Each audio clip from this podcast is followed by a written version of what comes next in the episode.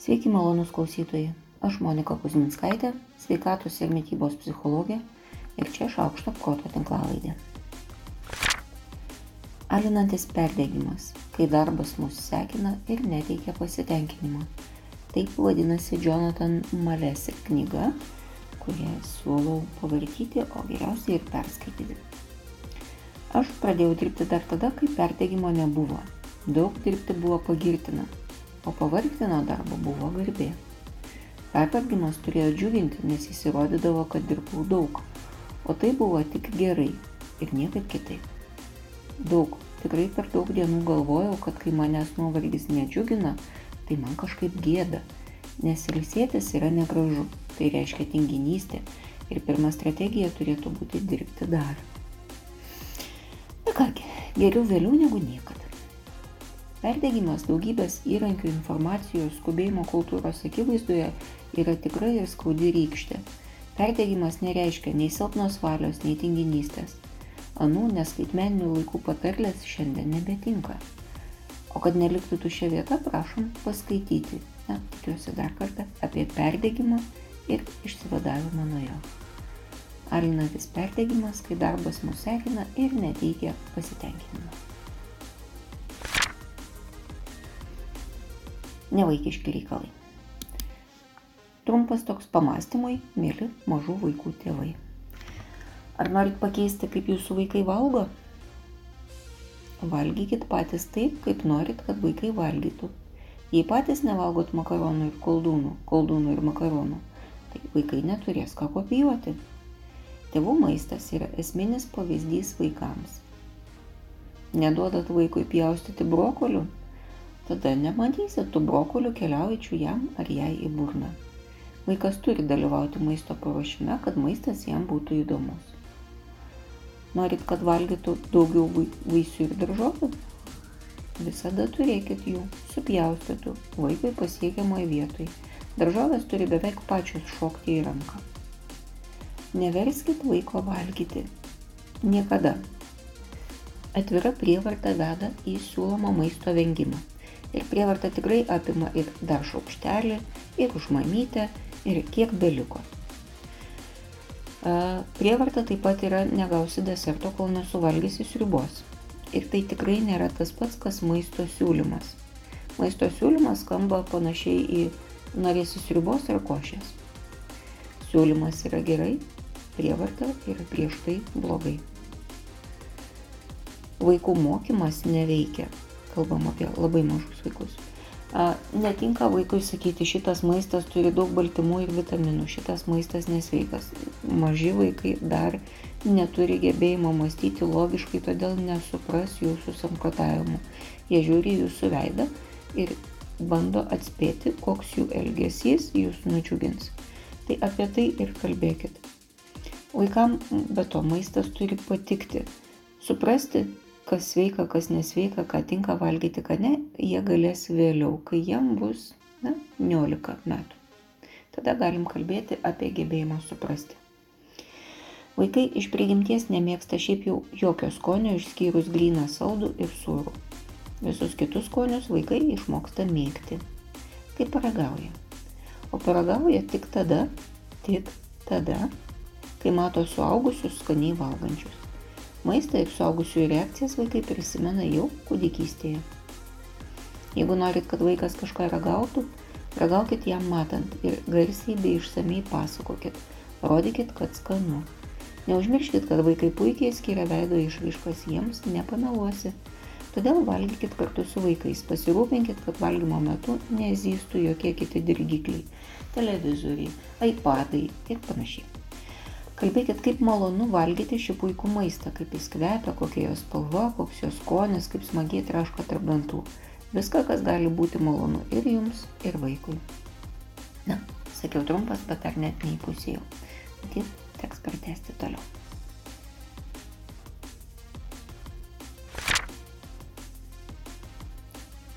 Gerojo straipsnio apie alkį smegenis ir judėjimą santrauką.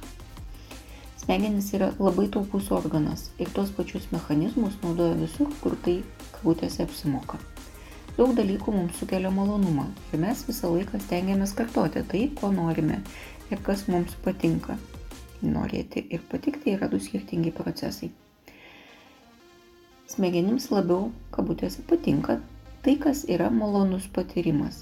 Nors patyrimas turi emocinį komponentą ir kognityvinį komponentą ir bendras patyrimas yra jų abiejų suma. Jie abu nebūtinai turi būti teigiami, kad suformuotų teigiamą patyrimą. Smegenys visada stengiasi gauti kiek įmanoma daugiau joms žinomo malonumo ir kiek įmanoma mažiau joms žinomo nemalonumo. Jeigu neturim patirties, kad galėtumėm vertinti žinomą malonumą, mes jį prognozuojam. Ir maloni sveika, ir maloni nesveika veikla bus kartojama. Todėl taip svarbu kaupti sveikas malonės patirtis ir vengti nesveikų malonių patirčių. Vykdomoji funkcija, kuri yra smegenyse, atsakinga už sprendimų prieimimą, yra pastiprinama fizinio aktyvumo. Vadinasi, geriau priimam sprendimus. Ir slopinama nesveiko maisto. Malonės patirtis turi tam tikrą prasme universalią skalę. Narkotikų malonumas visada bus intensyvesnis ir aukščiau cukraus malonumo, kuris bus aukščiau judėjimo malonumo. Keičiant nesveikus įpročius į sveikus, svarbu į tai atsižvelgti ir, rinkanti, ir rinktis sekantį geriausią sveiką kandidatą nesveikam įpročiui. Tikslas yra nekartoti nesveikų įpročių pagristų veiksmų ir kartoti sveikų įpročių pagristus veiksmus. Na, man šis straipsnis akivaizdžiai labai patiko, puikus straipsnis, daugiau tokių, tai gyvoja mokslas.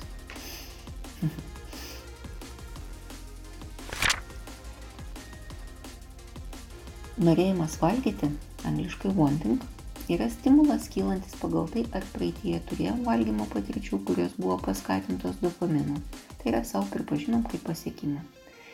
Mėgimas angliškai liking yra kitas stimulas kylantis iš prisiminimo apie tai, ar valgymo emocinis patyrimas buvo malonus. Na, apie tai jau kaip ir kalbėjom. Tai du svarbus veiksniai lemintis valgymo sprendimus ir įpročius, tačiau jie nėra lygiai verčiai.